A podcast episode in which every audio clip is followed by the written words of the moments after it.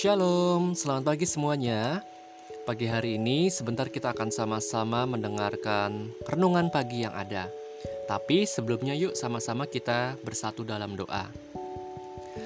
Terima kasih Bapak yang baik, terima kasih Tuhan Yesus untuk pagi hari ini.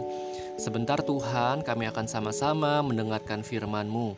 Biarlah Engkau yang tolong kami, berikan kami hikmat, berikan kami pengertian ya Bapa, agar setiap firman yang kami boleh dengar ini boleh benar-benar tidak hanya berlalu begitu saja, tapi kami bisa praktikkan dalam kehidupan kami, menjadi rema dalam hidup kami, sehingga Tuhan kami boleh menjadi berkat untuk sesama kami. Terima kasih Bapak yang baik, kami siap untuk mendengarkan firman-Mu hanya di dalam nama Tuhan Yesus Kristus. Haleluya, amin. Puji Tuhan, pagi hari ini saya akan membawakan sebuah tema, yaitu menjadi terang bagi sesama. Yuk sama-sama kita buka di dalam Lukas 11 ayat 35. Nanti saya akan bacakan. Karena itu perhatikanlah supaya terang yang ada padamu jangan menjadi kegelapan. Puji Tuhan. Nah, uh, tentunya seba kita sebagai anak-anak Tuhan, kita harus menjadi terang yang dapat menyinari banyak orang. Nah, terang di sini maksudnya adalah kita harus bisa menjadi teladan bagi orang lain. Kalau teman-teman lihat di akhir zaman sekarang ini, banyak orang-orang Kristen yang sudah tidak menjadi terang. Mereka lebih memilih hal-hal yang bersifat duniawi. Mereka suka melakukan hal-hal dosa, menyakiti sesama, tidak peduli dengan orang lain. Bahkan banyak juga orang-orang Kristen yang saat ini malas untuk beribadah. Oleh karena itu, penting kita perlu pimpinan dari Roh Kudus. Karena tanpa Roh Kudus, kita tidak bisa namanya menjadi terang. Tapi sebaliknya, malah kita bisa menjadi gelap atau bahkan Eh, menjadi batu sandungan untuk orang lain. Lalu, bagaimana caranya agar kita bisa menjadi terang? Yang pertama, agar kita bisa menjadi terang, kita harus menjadi kita harus terlebih dahulu menjadi terang. Di dalam Yohanes 8 ayat 12 berkata, "Maka Yesus berkata pula kepada orang banyak, katanya, Akulah terang dunia. Barang siapa mengikut aku, ia tidak akan berjalan dalam kegelapan, melainkan ia akan mempunyai terang hidup. Artinya adalah kita harus terlebih dahulu mengalami Tuhan dalam kehidupan kita. Kita harus memiliki pengalaman pribadi bersama Tuhan. Itulah yang dimaksudkan kita harus terlebih dahulu mengalami terang. Karena bagaimana mungkin kita bisa mengatakan Tuhan itu baik? Tuhan itu punya kuasa yang ajaib. Tetapi kita sendiri tidak pernah mengalami hal tersebut. Oleh karena itu, kita harus selalu mendekat. Bahkan tidak hanya mendekat tetapi juga melekat kepada Tuhan dalam kehidupan kita pun perlu ada yang namanya perdobatan dan juga perubahan. Orang-orang yang mengalami Tuhan pasti mereka akan mengalami yang namanya damai sejahtera, mengalami yang namanya kuasa Tuhan, mengalami yang namanya sukacita. Kemudian yang kedua, bagaimana caranya kita bisa menjadi terang? Yang kedua adalah kita harus praktik menjadi terang itu.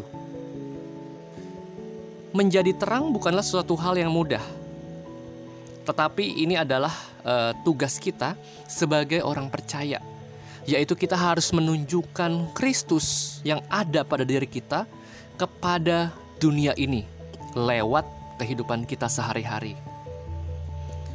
Sekalipun dunia ini begitu gelap, banyak dosa,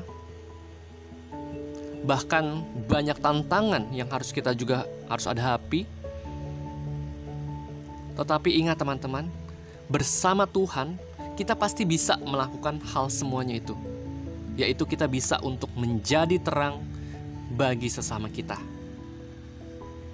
Mari teman-teman semuanya, kita jaga keselamatan yang Tuhan sudah berikan.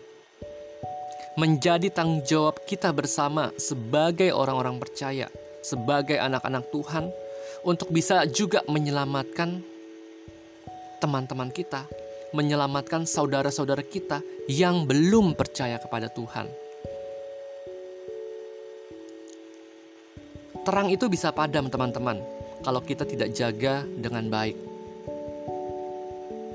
Oleh karena itu, seperti yang tadi saya katakan, kita harus mendekat kepada Tuhan, kita harus berdoa kepada Tuhan, kita harus minta pimpinan Roh Kudus agar kita bisa menjadi terang, menjadi berkat. Oleh karena itu, kita pun juga harus bisa menjadi saluran berkat di mana pun kita berada, bahkan lewat pikiran kita, perkataan kita, ataupun tingkah laku kita, kita harus menunjukkan bahwa Kristus ada dalam hidup kita, sehingga kita bisa menerangi orang-orang yang ada di sekitar kita juga. Puji Tuhan, sebentar kita akan menutup renungan yang ada. Tapi sebelumnya yuk sama-sama saya rindu untuk kita semua untuk boleh mengangkat satu buah pujian. Berikanku hati seperti hatimu.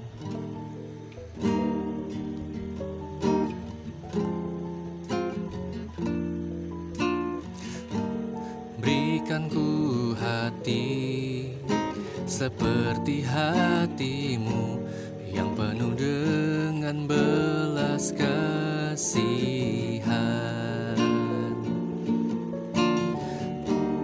Berikanku mata seperti matamu memandang tuayan di sekelilingku.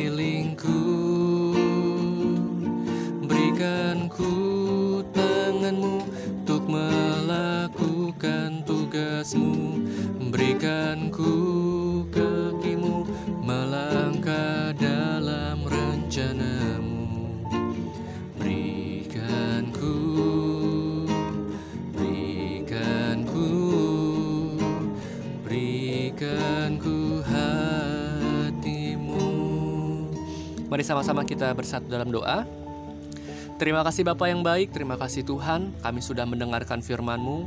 Tuhan, kami mohon biarlah rohmu Tuhan boleh memimpin hidup kami, menjadi kerinduan kami Tuhan untuk bisa menjadi terang untuk sesama kami. Kami tahu Tuhan mungkin banyak hal di dalam dunia ini yang begitu jahat ya Bapa. Tapi Tuhan ajarlah kami ya Bapa, pimpinlah kami agar kami bisa melakukan hal yang benar, menjadi terang, menjadi contoh, menjadi teladan untuk setiap orang-orang yang ada di sekitar kami. Terima kasih Bapak yang baik.